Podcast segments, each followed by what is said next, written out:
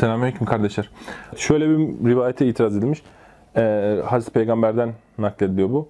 Ey Ömer, yanlışlıkla rahmet ayetini azap ayetine veya azap ayetini rahmet ayetine çevirmedikçe e, bunda bir beis yoktur. Yani sanki mana ile Kur'an'ı okumak caizmiş gibi bir anlam çıkartıp Goldziyer ve Bulaşehir demiş ki erken dönem Müslüman toplumunda Kur'an'daki bir kelimeyi eş anlamlısıyla değiştirmek son derece müsamaha ile karşılanıyordu. Azami diyor ki Böyle bir şey hiç vuku bulmuş mudur? Biz hukuki uğraşılarımızdan bilmekteyiz ki hiçbir yazar kendi sözlerinin nasıl seçilirse seçilsin bir eş anlamlılar halesiyle değiştirilmesinden hoşnut olmayacaktır.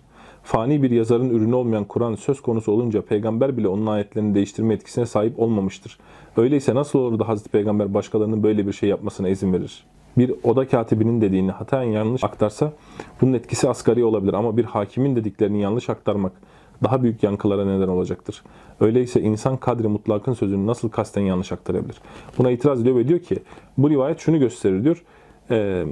Ezberden okumaya çalışıyorlardı, hata ediyorlardı ve Resulullah ya Resulullah bunda bir vebal var mıdır? Biz günaha giriyor muyuz? Çok korkuyoruz bundan işte ezberden okuma, okumayı bıraksak mı vesaire diye düşünüyorlardı. Resulullah diyor ki rahmet ayetini azap ayetini değiştirmediğin sürece ufak tefek hatalar ahiret açısından bir vebal değildir. Kur'an böyle okunabilir demek anlamına gelmez diyor bu rivayet. Burada bir hadisin isnadını göstermiş. Hadisin isnadından Kur'an'ın e, metninin sağlamlığına geçecek. Bu hadisin isnadını Allah izin verirse ben şeye atacağım. Instagram'dan veya şeyden düzgün bir biçimde paylaşacağım. Bir hadisin isnadı nasıl oluyor? Bunun kanalları nedir, ne değildir? Şöyle, e, bu videoyu YouTube'a yüklediğimde inşallah bu resmi Instagram'dan yüklemiş olacağım. Bilmiyorum ne kadar ne görünüyor. Zaten burada gördüğünüz çok şey olmayacak. Hani bu işin ilminin ne olduğunu bu resim çok hoş anlatıyor. Bir hadis-i şerif üzerinden okuyalım şimdi bu resmin yorumu e, inşallah resmi o dönemde Instagram'a vesaireden atmış olacağım. Instagram ya da Twitter'dan atmış olacağım. Diyor ki en az 124 kez yazılmış olan bu hadis. Rivayet zincirini oy birliğiyle Hazreti Peygamber'in sahabelerine karşı ula- kadar ulaştıran 3. nesle mensup 26 ravi tarafından nakledilmiştir. Yani 26 tane tabiundan nakledilmiştir. 26 raviden 3'ü bu hadisi birden fazla kaynaktan duymuştur. Yani 26 tane tabi'in nakletmiştir. Bu 26 tabiundan 3 tane tabiun bu hadisi 2 veya 3 sahabeden duymuştur. Veya daha fazla sahabeden duymuştur. Yani sahabeleri de e, farklı farklı sahabelerden duymuştur. Mevcut veriler göstermektedir ki bu hadis en az 10 sahabe tarafından nakledilmiştir. Rivayet zincirinde bulunanların 7 tanesinin ki bunlar daima Medine, Suriye, Irak'ta oturmuştur. Ayrıntıları bugün elimizdedir. Farklı farklı yerlerde oturuyorlar ve bunların hayatları da elimizdedir diyor. Kendimizi yalnızca bir sahabeyle Ebu Hureyre ile sınırlayacak olursak yani tek kanala, tek sahabenin rivayetinin gidişine bakarsak en az 7 öğrencisi ondan bu hadisi nakletmiştir. 7 tane tabiun nakletmiştir. Bunların 4'ü Medineli, ikisi Mısırlı, biri Yemenlidir. Sonra onlar bu hadisi en az 20 kadar kişiye nakletmişlerdir. 5'i Medineli, ikisi Suriyeli ve Mekkeli, Kufe, Taif, Mısır ve Yemen'den birer kişi. Diğer sahabeler hakkında da benzer bir durumun vaki oluşu şunu göstermektedir. Söz konusu hadis Medine, Mekke, Kufe yani bugünkü Irak, Mısır, Suriye'deki konumunu güçlendirirken başka topraklarda Basra, Hıms ve Vasit'te de yerini almıştır. Bu geniş rivayet zincirini resmeden aşağıdaki tablo doğal olarak binlerce hadisten yalnızca birine aittir. Ve bu hadis 10 ravili bir hadistir. Bizim hadis kitaplarımızda 60 tane ravisi olan, 60 tane sahabeden nakleden rivayetler var. 20 sahabeden rivayet edilen pek çok rivayet var. Bunu inkar eden e, pek çok da adam var. Bunların hiçbir öneminin olmadığını söyleyen pek çok adam var.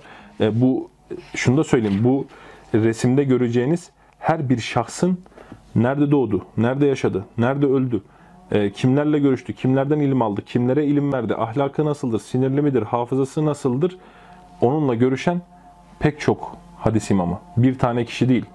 5 tane, 10 tane, 20 tane hadis imamının onun hakkında bu değerlendirmeleri vardır. Her şahsın. Burada ismini göreceğiniz her şahsın böyle değerlendirme. Hadis ilmi böyle bir ilimdir. İslam'a mahsus bir ilimdir. Batı'da böyle bir ilim yoktur. Batılılar hadi bu ilmi önemsiz anlamına getirmeye çalışıyorlar ama onların kuklası nasıl olabiliyoruz bu kadar ben şaşırıyorum. Ee, övüneceğimiz bir işi önemsiz bir hale getirmeye çalışmak. Uzun uzun hadis ilminden ve rivayet lafızlarından, rivayet şekillerinden bahsetmiş. Bunu esasen şuraya getirmek istiyor. Kur'an'la ilgili böyle bir liste bile yapamazsınız. Çünkü onunla ilgili isim yazmaya başladığınız zaman 1400 yıllık bütün Müslümanların adını yazmanız gerekir. Diyor ki haklı. Ve şunu söyleyelim, şunu söyleyelim, yazar bunu söylememiş ama İncil, Tevrat, diğer kitaplar İslam'da birer hadis hükmünü aldıkları zaman biz onları kale bile almayız, zayıf bile demeyiz onlara. Uydurmadır bizim nakil tarzımıza göre. Anladınız mı? Yani Buhari kuvvetinde yeryüzünde hiçbir kitap yoktur nakledilmiş. Kur'an'ı kıyaslamıyorum. Kur'an zaten hani bunların çok üstündedir. Nakil kuvveti olarak, içerik değeri olarak söylemiyorum. Nakil kuvveti olarak Kur'an bunların çok üstündedir. İçerik kıymeti olarak da kıyaslanmaz zaten bir şeyle de Kur'an. Nakil kuvveti olarak da dünya tarihi Buhari ayarında bir kitap çıkaramamıştır.